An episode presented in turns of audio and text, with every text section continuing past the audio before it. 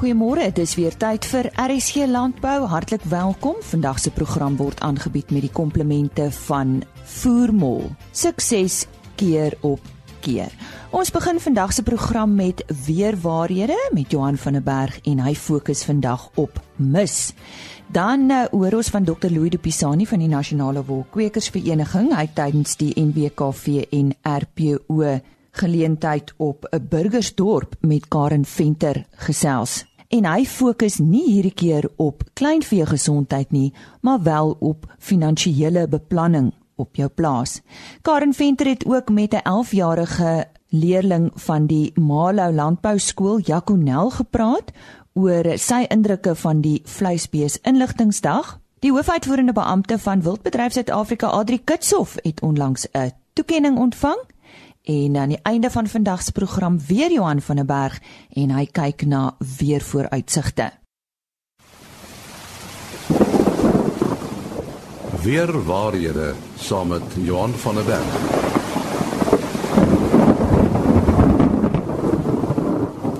Ja, dis uh, alweer tyd vir weer waarhede saam met Johan van der Berg van Santam Landbou. En Johan, wat is die weer waarheid waaroor ons vanoggend gesels? Sê jy nie dit klink amper soos weer nie, maar ons gaan oor mis gesels of vogtigheid wat ons naby aan die oppervlakte sien en wat ons as mis uh of of mis noem. Mis is die, die sigbare waterdruppels naby aan die aarde se oppervlakte. Kan amper beskou word as 'n baie lae wolkbedekking. En dit word beïnvloed deur die topografie en wind, maar inherënt die belangrikste elemente is die temperatuur en die inherente vogtigheid van die lug. Ehm um, wat 'n mens kan sê hoe warmer die die die die eh, lug is, hoe meer vog kan daar gehou word, maar soos wat dit afkoel, uh vorm moet dit kondenseer en dan vorm dit druppels en kan ons dit meer sien en as as groter druppels of dan hierdie samevatting as 'n wolk wat 'n mens kan sê of of miswolke. Interessant, uh, mens sien baie keer of baie meer vog wat by die see ontwikkel. Nou ons weet eerstens is daar baie vog uh uh of of wat mense wat naby die see ontwikkel. En ons weet daar is baie meer vog uh, by die see veral by ons warmer gedeeltes hier by die Indiese Oseaan. Maar daarmee saam die soutpartikels wat in die lug is uh vorm dan 'n kern uh waar waar druppels dan of waar die vog kan saampak en waar die druppels baie makliker kan vorm. En uh, ons sien dit dit dit dit, dit stimuleer dan hierdie vorm van van mis. Die sogenaamde of die is ja, mens kry verskillende dis tipes mis. Eerste naam of die eerste een is die sogenaamde stralingsmis. Nou die hitte wat bestag wat bedags geabsorbeer word deur die oppervlakte van die aarde straal snags weer uit na die atmosfeer. En soos wat hierdie hitte beweeg vanaf die grond na die lug, uh vorm dit dan waterdruppels soos wat dit afkoel, soos wat die lug koeler word. Nou hierdie tipe van stralingsmis bly baie naby aan die oppervlakte en as dit warmer word, dan verdwyn dit of dit brand weg soos wat ons sê. Die tweede een wat ons al dikwels wat 'n mens uh, kry is die adveksie of sogenaamde bewegingsmis. Waar warm vochtige lug uh beweeg oor koel oppervlaktes. Gewoonlik dit word gedryf deur wind en dan kry ons hierdie rollende effek van miswolke wat aankom. So dit is warmvogtige lug oor koel oppervlaktes en dit maak dat die vog dan kondenseer as druppels. So as dit hierdie warm lug maak in kontak met die koeler lug daar by die oppervlakte ook en dit kondenseer. Interessant eh, wat 'n mens ook kry baie keer is is tipe van misholtes tussen berge. Nou die berge keer dat die lug ontsnap en dit kan ook hier aangehelp word deur lugbesoedeling uh rookpartikels en so wat dan ook kerne vorm uh om mis te vorm. Belangrikheid van mis in in landbou en vir die bestaan op op aarde. As ons kyk nou byvoorbeeld in die name woestyn uh waar dit omtrent nooit reën nie, is daar plante en diere wat suiwer oorleef op hierdie mistigheid. So ons kry ligvog of vog wat van die see se kant af oor koue oppervlaktes beweeg eh, en dit maak hierdie miswolk en dit kondenseer. So dit gee plante vir, vir water vir plante en vir diere. Uh interessant, uh, daar is sekere gedeeltes van die uh, op op aarde waar hierdie mis uh, geoes word uh as vir, vir water. So hulle het misvangers, 'n tipe van nette wat uh, opstel uh, en die mis kondenseer op hierdie nette en dit af in geete uh, en dit vorm dan dit kan in damme en in tanks opgevang word. Uh wat baie belangrik is uit 'n negatiewe hoogtepunt, uh baie vogtigheid of mis veroorsaak siektes by veral ons plante. Die blare bly nat en ons weet van die meeste patogene uh wil so 'n paar ure of 'n paar dae van van natheid hê om te kan ontwikkel. So dis wel gebiede wat wat baie mistig is, baie keer meer onderhewig is aan siektes en boere in hierdie gebiede moet 'n baie sterker of 'n strenger uh spuitprogram hê om dan ons patogene en siektes uh te kan weer. So om op te som, mis is die interaksie tussen uh, die lugvog en temperatuur uh en die nabyheid van water beïnvloed dit baie keer. Ons sien baie keer dat op die riviere uh en op die damme veral so hier in die laaste deel van die somer dat mis ontwikkel en dit gaan maar dat daar warm vogtige lug onder is en die lug begin afkoel bokant dit en dit vorm mistigheid. Ja, en nou voor ons heeltemal afsluit, mens moet seker 'n onderskeid tref tussen uh tussen mis en besoedeling, nê. Nee. Mis is 'n suiwer water. Uh maar besoedeling is is waar daar ander partikels by is. Nou interessant wat ek genoem het, uh besoedeling kan ook in mistigheid kan uh, baie rook en swaal voorkom kan kan dit besoedel dit mis wees want uh, dit die swaal en van die ander elemente los op in hierdie water. So dit kan ook 'n negatiewe effek hê in sommige gedeeltes dalk positief maar uh, dit kan 'n negatiewe effek ook hê. Maar uh, as dit suiwer uit 'n temperatuur ligvog oogpunt is Dit is nie besoedeling nie, dit is suiwer uh, water in 'n ander formaat of 'n ander vorm, maar dit kan ook wees dat waar daar baie rookgedeeltes is, dat hierdie mis besoedel is. Baie dankie Johan van der Berg van Santam Landbou. Dankie Henny en onthou Johan van der Berg is aan die einde van vandag se program terug met 'n kykie na wat ons te wagte kan wees wat die weer betref, want dinge is besig om te verander. Die Oos-Kaap Nasionale Wolkwekersvereniging en RPO het 'n inligtingsdag op verskeie dorpe in die Oos-Kaap gehou van 25 tot 27 Julie. Ons medewerker Karen Venter het tydens een van hierdie dae met 'n Dr. Louis de Pisani van die Nasionale Wolkwekersvereniging gesels en hierdie keer praat hy oor eh, sy aanbieding wat hy daar gelewer het. Wat is goeie finansiële beplanning op jou plaas? Ja, die finansiële bestuur van boere is is nogal krities. Uh boere het 'n goeie vermoë om geld te maak. Maar baie keer sukkel hulle om die geld wat hulle maak te behou. Uh in finansiële bestuur het jy daarmee te doen. Uh is nie om geld te maak nie, maar hoe om die geld wat jy gemaak het te behou. Uh en soveel as moontlik daarvan van elke rand wat jy produseer op die plaas, om soveel as moontlik daarvan op die plaas te behou. Nou, as 'n mens se finansiële bestuur nie reg is nie, dan is daar mense wat jou finansier om jou boerdery toe te pas. Maar hulle kry die grootste opbrengs op jou boerdery. En jy staan in die ry heel agter, want die ouens wat jou boerdery finansier, staan voor in die ry om hulle geld eers terug te kry. En dit wat oorbly is dan uh, wat in jou sak beland. En daar's baie slaggate waar boere intrap in 'n poging om uh, om meer geld te maak. Baie keer trap hulle in slaggate wat hulle nie weet bestaan nie. Uh en twee baie groot slaggate waaroor ons vandag gesels het. Die een daarvan uh is die verkeerde aanwending van 'n uh, oortrokke bankfasiliteit. 'n uh, Oortrokke bankfasiliteit is beslis nie daar om 'n verlies, 'n boerdery verlies goed te maak nie. Uh dit is nie die die die uh die plek van 'n oortrokke bankrekening nie. Dis ook nie daar om jou persoonlike spandering te finansier nie. 'n Oortrokke bankrekening is daar om daai maande wanneer jou inkomste nie groot genoeg is om jou bedryfskoste te betaal nie, om dit te ondersteun.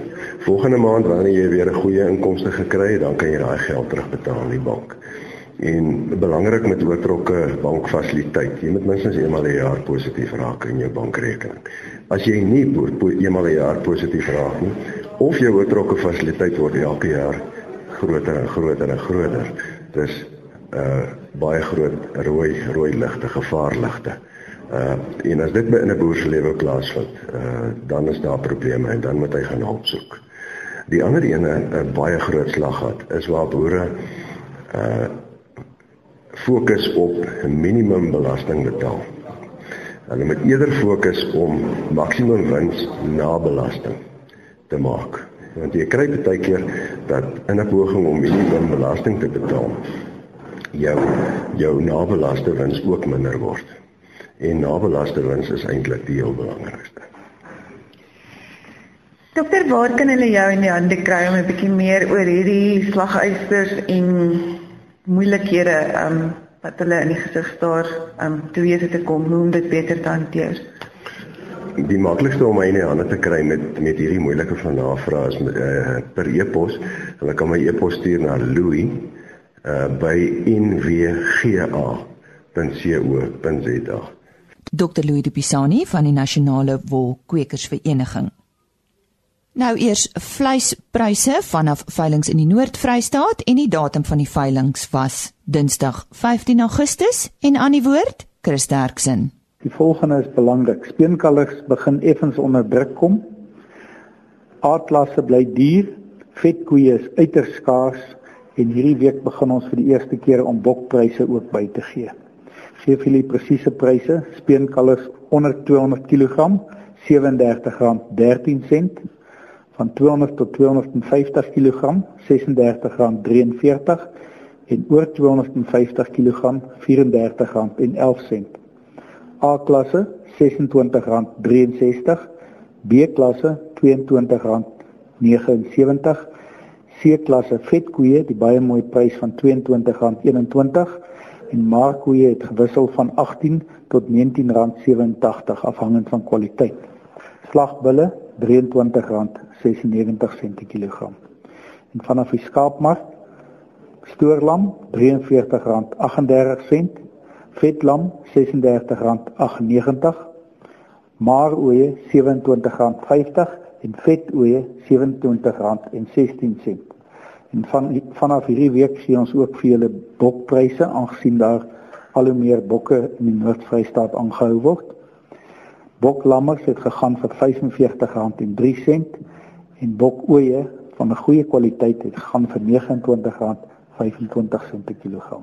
Indien ons van enige verdere hulp kan wees, skakel maar enige tyd na 08280 75961.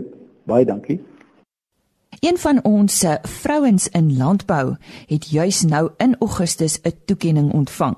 Dit uh, val nou toevallig saam met Vroue Maand, maar die hoofuitvoerende beampte van Wildbedryf Suid-Afrika, Adri Kitsof Botha, gesels nou met my oor uh, WRSA se fokuspunte waarmee hulle tans besig is en ook oor die toekenning wat sy ontvang het. Uh, ons het ons verlede jaar ons 10 fokusareas bepaal en ehm um, binne in die raad en ons het dit na ons lede toe gevat en heidaglik kyk ons na die drie top areas waarna ons moet aandag gee plus al die ander goed. So op hierdie stadium ehm um, transformasie lê ons baie hoog op die lys nog steeds en dit was ook hoekom ons baie deelgeneem het en en Afasa by die African Farmers Association of South Africa se transformasie kongres wat ons ook 'n borg daar gewees. So ons is nog steeds ehm um, baie hard besig met die industrie en met die regering saam te werk om te kyk watter rol ons daar kan speel. Ehm um, ons begin so lank beplan vir ons konferensie vir volgende jaar in Maart. Ek kan dit nie glo nie, dit is alweer so amper om die draai. Ehm um, en dan natuurlik dit is ons nou jagseisoen. So ons bedryfskamers is redelik stil op hierdie oomblik maar binnekort begin al die 30 bedryfskamers van ons weer met hulle individuele funksies wat hulle aanbied by die verskillende streke binne in die land. Ehm um, volgende is ons steeds besig met die departement van ehm um, van landbou wat ons uh, nog steeds opvolg omdat die die wildvleisregulasies nog nie gepubliseer is nie. Onlangs is die die ehm um, skedule of die hoe sal ek sê die riglyne oor in vleisinspekteurs ge, gepubliseer maar nog steeds nie die die wildvleisregulasies nie. So as jy my so kort kennisgewing vra en ek moet opsom van ek sê weet jy dis wetgewing, dis lede sake, dis transformasie, ehm um, dis oordra van inligting, dis bewusmaking oor die bedryf en ja, Nou ek is bly jy kry daarom erkenning vir jou harde werk en dis waaroor ons met jou praat. Dit is nou Vroue Maand. Jy het erkenning gekry vir jou werk in die landbou sektor nasionaal sowel as streeks. Vertel 'n bietjie vir ons van hierdie toekenning. Ja, Lisa, dit was vir my so groot verrassing geweest. Ek was vroeër die jaar het ek 'n uh, het ek 'n e-pos gekry om vir my te sê dat ek is genomineer en ek ek wil dit nou nie eers direk vertaal maar in, in Engels het hulle gepraat van um it's Africa's most influential women in business and government. En ek het hierdie e-pos so gekyk en ek het gedog nee, weet jy wat, dis nou seker nie vir my nie en ek het hom net verbygegaan. En na ruk het ek 'n telefoonoproep gekry van 'n dame af van CEO Global af wat vir my gesê het, weet jy, jy moet regtig ons het dit dit dis dis dit werk blykbaar op 'n nominasiebasis mense wat iemand nomineer uh, in 'n spesifieke ekonomiese sektor om oorweeg te word as iemand wat nou 'n verskil maak. En ek het hierdie vorm ingevul en dit was nogal 'n redelike omvattende vorm gewees wat ek ingevul het en daarna het ek 'n telefoonoproep gekry en um, 'n onderhoud gehad en so aan en En toe word ek uitgenooi na die funksie toe, ehm um, wat nou onlangs gehou was op die 3 Augustus die aand en dit het my alle verwagtinge oortref. En dit was toe nou CE Global met um, Titans Buildings Nation en hulle het toe nou verskeie toekenninge uitgegee. Ek moet vir jou sê dit gaan basies oor 23 ekonomiese sektore. En hulle doen dit blykbaar al vir die afgelope 17 jaar en die die toekennings is soos wat hulle dit beskryf het is is 'n um, is 'n erkenningsprogram om nou uitmuntendheid of um, diens in die privaat en die publieke sektor te erken.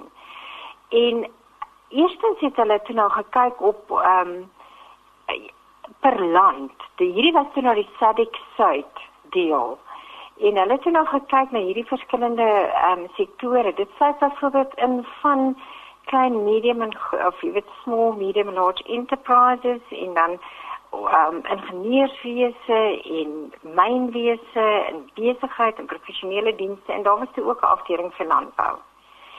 En ja, toe het hulle my aanvanklik die toekenning gegee as die wenner in Suid-Afrika ehm um, as 'n kandidaat wat 'n impak maak op die winsgewendheid en die volhoubaarheid van die organisasie of die sektor waarna ek werk. En toe na 'n rukkie later aan die einde van die aand kom hulle met 'n tweede stel toekennings en toe toe kry ek 'n toekenning vir die SADC Suid area. Uh weer eens vir vir 'n vir 'n leiersrol wat 'n mens speel in die ontwikkeling van 'n sektor. En ja, wel ek ek ek was so verbaas geweest en en maar ek hulle doen dit byvoorbeeld al 17 jaar lank. Hulle het aand verskeie toekennings gemaak ook aan lewenslange lede soos byvoorbeeld uh, of bydraers tot die ekonomie soos byvoorbeeld meneer Brand Pretorius en meneer Raymond Ackerman en ander. So ek is toe nou heel verbaas die aand uit. dit was my wonderlik geweest, maar wat my wonderlik is, is dat die wildbedryf binne in landbou so erken word as so groot en belangrike sektor jy weet dat mense daar raak gesien word.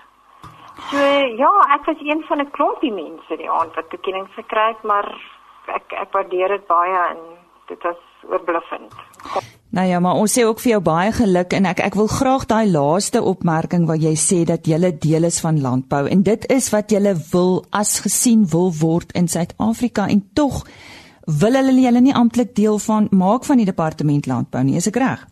Weet jy sekere dele van die bedryf sal wel onder landbou. As ons kyk na dieregesondheid en en en daardie tipe dinge en maar ek dink ek ek noem dit veral net in die groter algemene deel van wildboerdery is 'n landbou aktiwiteit. Weet om nou in te gaan op die wetgewing tussen tussen ehm um, omgewingsake en landbou. Dis nou 'n debat van sy eie daai wat mense op 'n ander dag kan voer en ek moet sê die departement van omgewingsake is op hierdie stadium redelik besig om te kyk hoe kan hulle die wetgewing vir ons meer ehm um, toeganklik maak om hierdie ekonomie te groei. Maar sekere dele van ons staan in die landbou afdelinge. Dit is byvoorbeeld as ons kyk na die wildvleis skema of die wildvleis regulasies wat moet uitkom dit val onder landbou. As ons kyk na dieregesondheid en en die verskuiwing byvoorbeeld van buffels en daai goed. Ehm um, en die toetsing daarvan, dit val weer onder landbou. So ja, ehm um, ons jong die wildboere is wildboere. En ons ons het 'n plek binne in die binne in die ehm um, landbou sektor in Suid-Afrika. Die hoofuitvoerende beampte van Wildbedryf Suid-Afrika, Adri Kitshof Botha. En nou sluit ons weer aan by Karen Venter. Ons is op Kingsland, 30 km buitekant Steynsburg. Ons het formale landbouskool hier vandag gehad by Bees Inligtingsdag.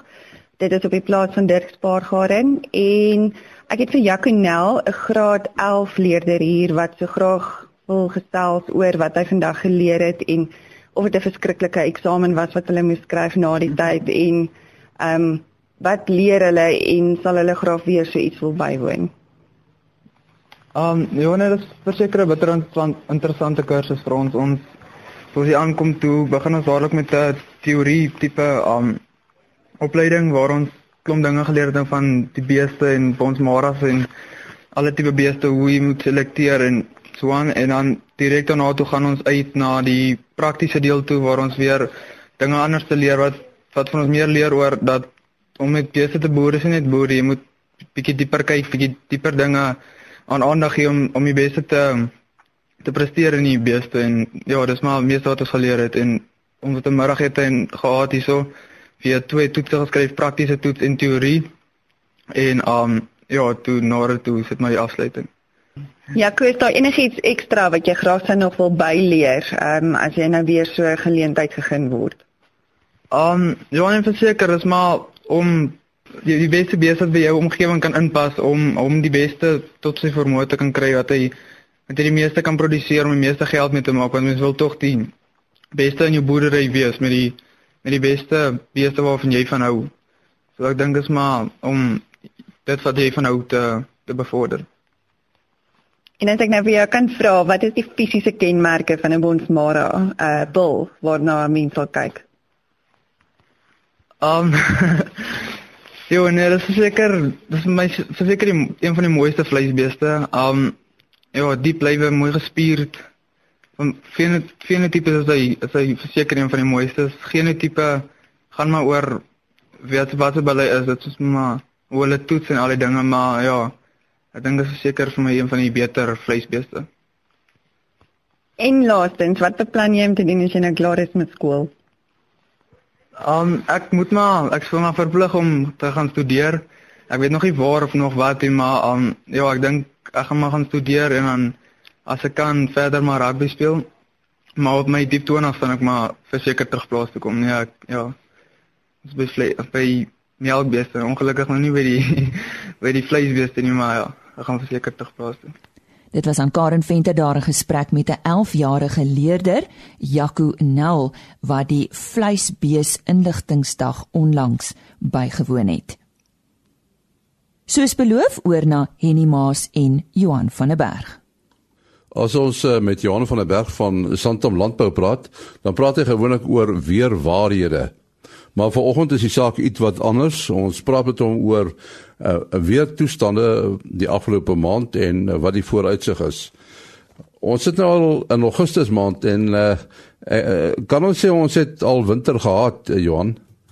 Ja, ons het 'n paar nagte ons ryp gehad, maar ek dink as mense na die aantal ryp dae of ryp nagte gaan kyk, dan is dit redelik ondergemiddeld. Ehm um, want hier nie is oor die sentrale gedeeltes uh, kan nou omtrent vir die hele Mei of van Junie, Julie en paar nagte van van Augustus uh omtrent elke nag ryp of temperature onder 0 grade verwag en ons het maar 'n klompie gehad. So uh ons het nie die regtig die koue gehad wat wat uh, al ons ander jare kry nie. Ehm um, so die die die ander punt is ook uh die koue is waarskynlik ook nog nie verby nie. Die seisoen is dalk bietjie warmer, maar ek dink hy's ook dit lyk ook 'n bietjie later. En ons sien dat hier nog heelwat koue fronte gaan deurkom vir die res van Augustus en selfs in September. Uh so ons gaan dalk nog laer temperature of lae temperature kry. Waarskynlik nie verskriklike koue is nie, maar ons gaan nog temperature kry wat onder vriespunt gaan wees. Uh as mens na die langtermyn kyk, is die uittreedatums vir ryp hier oor die sentrale binneland, sentraal na suidelike binneland is maar eers in die laaste deel van September en selfs in sekere gedeeltes in die begin van Oktober. Nou as 'n mens uh, praat oor die weer dan uh, lyk dit my ons moet elke maand praat oor uh, hoe klop uh, die El Niño se hart. As mens kyk hier na April maand was ons uh, redelik seker geweest dat uh, El Niño gaan ontwikkel.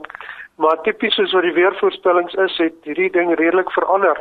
Alhoewel 'n mens moet sê dat uh, hier April, Mei en Junie maand is die hoogs veranderlike maande in terme van die El Niño verskynsel. So intussen het uh, die kanse vir El Niño baie afgeneem van omtrent 60% tot waarskynlik minder as 20% en is die grootste kans nou dat ons neutrale toestande gaan ervaar of 'n neutrale see temperature gaan kry um, vir die res van die seisoen en dan as ons sê van die van die somerseisoen van nou af tot omtrent hier maart april volgende jaar se kant.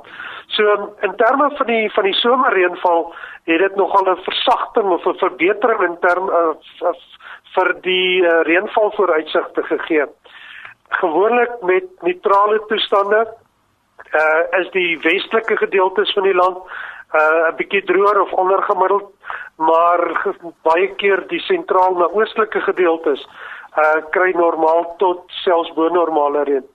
Maar as jy mens ook kyk na hoe hierdie ontwikkeling van die see temperature in die Stille Oseaan, so die kwessie van El Niño en La Niña, hierdie laaste maand of 2, 3 ontwikkel het en die voorspelling dan lyk dit nogal baie soortgelyk soos wat ons in 2016-17 ervaar het. Uh ons het nou gesien die laaste ruk soos ons genoem het, het ons wegbeweeg van die El Niño verskynsel uh of na die El Niño van die El Niño kant af. Ons is nou baie naby neutraal en uh daar is selfs van die modelle wat voorspel hier na Desember, Januarie se kant dat ons so aan die onderkant van die traal na La Niña se kant toe kan neig. Dan as mens in terme van landboutoestande eh, dit 'n bietjie moet bereken, uh, is dit goeie nuus vir ons weidingstoestande veral alhoewel die reën dalk 'n bietjie later gaan kom, later is normaal. Ons het ook oor die temperature gepraat. Seisoen lyk weer 'n bietjie laat, maar as ons kyk na somergraanproduksie, ehm um, is dit dalk goeie of slegte nuus afhangende van hoe mense dit sien. Want eh uh, dit lyk asof daar redelik reën gaan kom kom ons sê ten minste normale reën en dan ook oor die periode wat krities is Februarie en Maart. En dit kan weer maak dat ons 'n baie groot mielieoes het en dit kan redelik druk plaas op die pryse van mielies. So dis waaroor ons sê ons weet nie of ons moet lag of huil oor die voorspelling nie. Ehm um, daar is nog die ander faktor wat 'n rol kan speel wat onseker is, die Indiese Oseaan en ons is nog uh, op hierdie stadium is dit te vroeg om enigiets te sê uh, die aanvanklike aanduidings is dat dit ook redelik na neutraal toe gaan neig wat ook nie te ernstig of te negatiewe syne uitgee vir veral Februarie Maart se kant nie. So uit 'n produksie oogpunt lyk die toestande vir die somerreënvalgebied uh redelik kom ons sê naby aan normaal as 'n mens nou dit normaal kan definieer dalk. Vir die winterreënvalgebied ehm um, die reenseisoen uh begin einde se kant toe gaan. Ehm um, daar is nog so die res van Oktober, ag van van uh, Augustus en September en ons sien daar gaan nog 'n klompie klompie koue fronte deurkom. Uh die kans dat daar regtig swaar reën gaan kom lyk vir my al hoe minder uh oor die Weskaap en dit is nogal groot gevaarligte wat aanhou flikker vir die damvlakke. Die bietjie reën wat nou gereeld voorkom is baie goed vir die koring maar uh, ons mense sal moet sien in September want dit is die maand waar die oes gemaak of gebreek word dan. Wat kan ons sê? Baie dankie aan Enimaas en Johan van der Berg en daarmee sê ons dan Fluit fluit, ons storie is uit vir hierdie week. Ek sal dan weer maandagooggend om 05:30 op my pos wees vir nog 'n aflewering van RSG Landbou. Vandag se program is aangebied met die komplimente van Voermol. Sukses keer op keer. Goeie naweek vir u. Totsiens. RSG Landbou is 'n produksie van Blast Publishing. Produksieregisseur Henny Maas. Aanbieding Lisa Roberts en 'n notas koördineerder Jolande Rooi.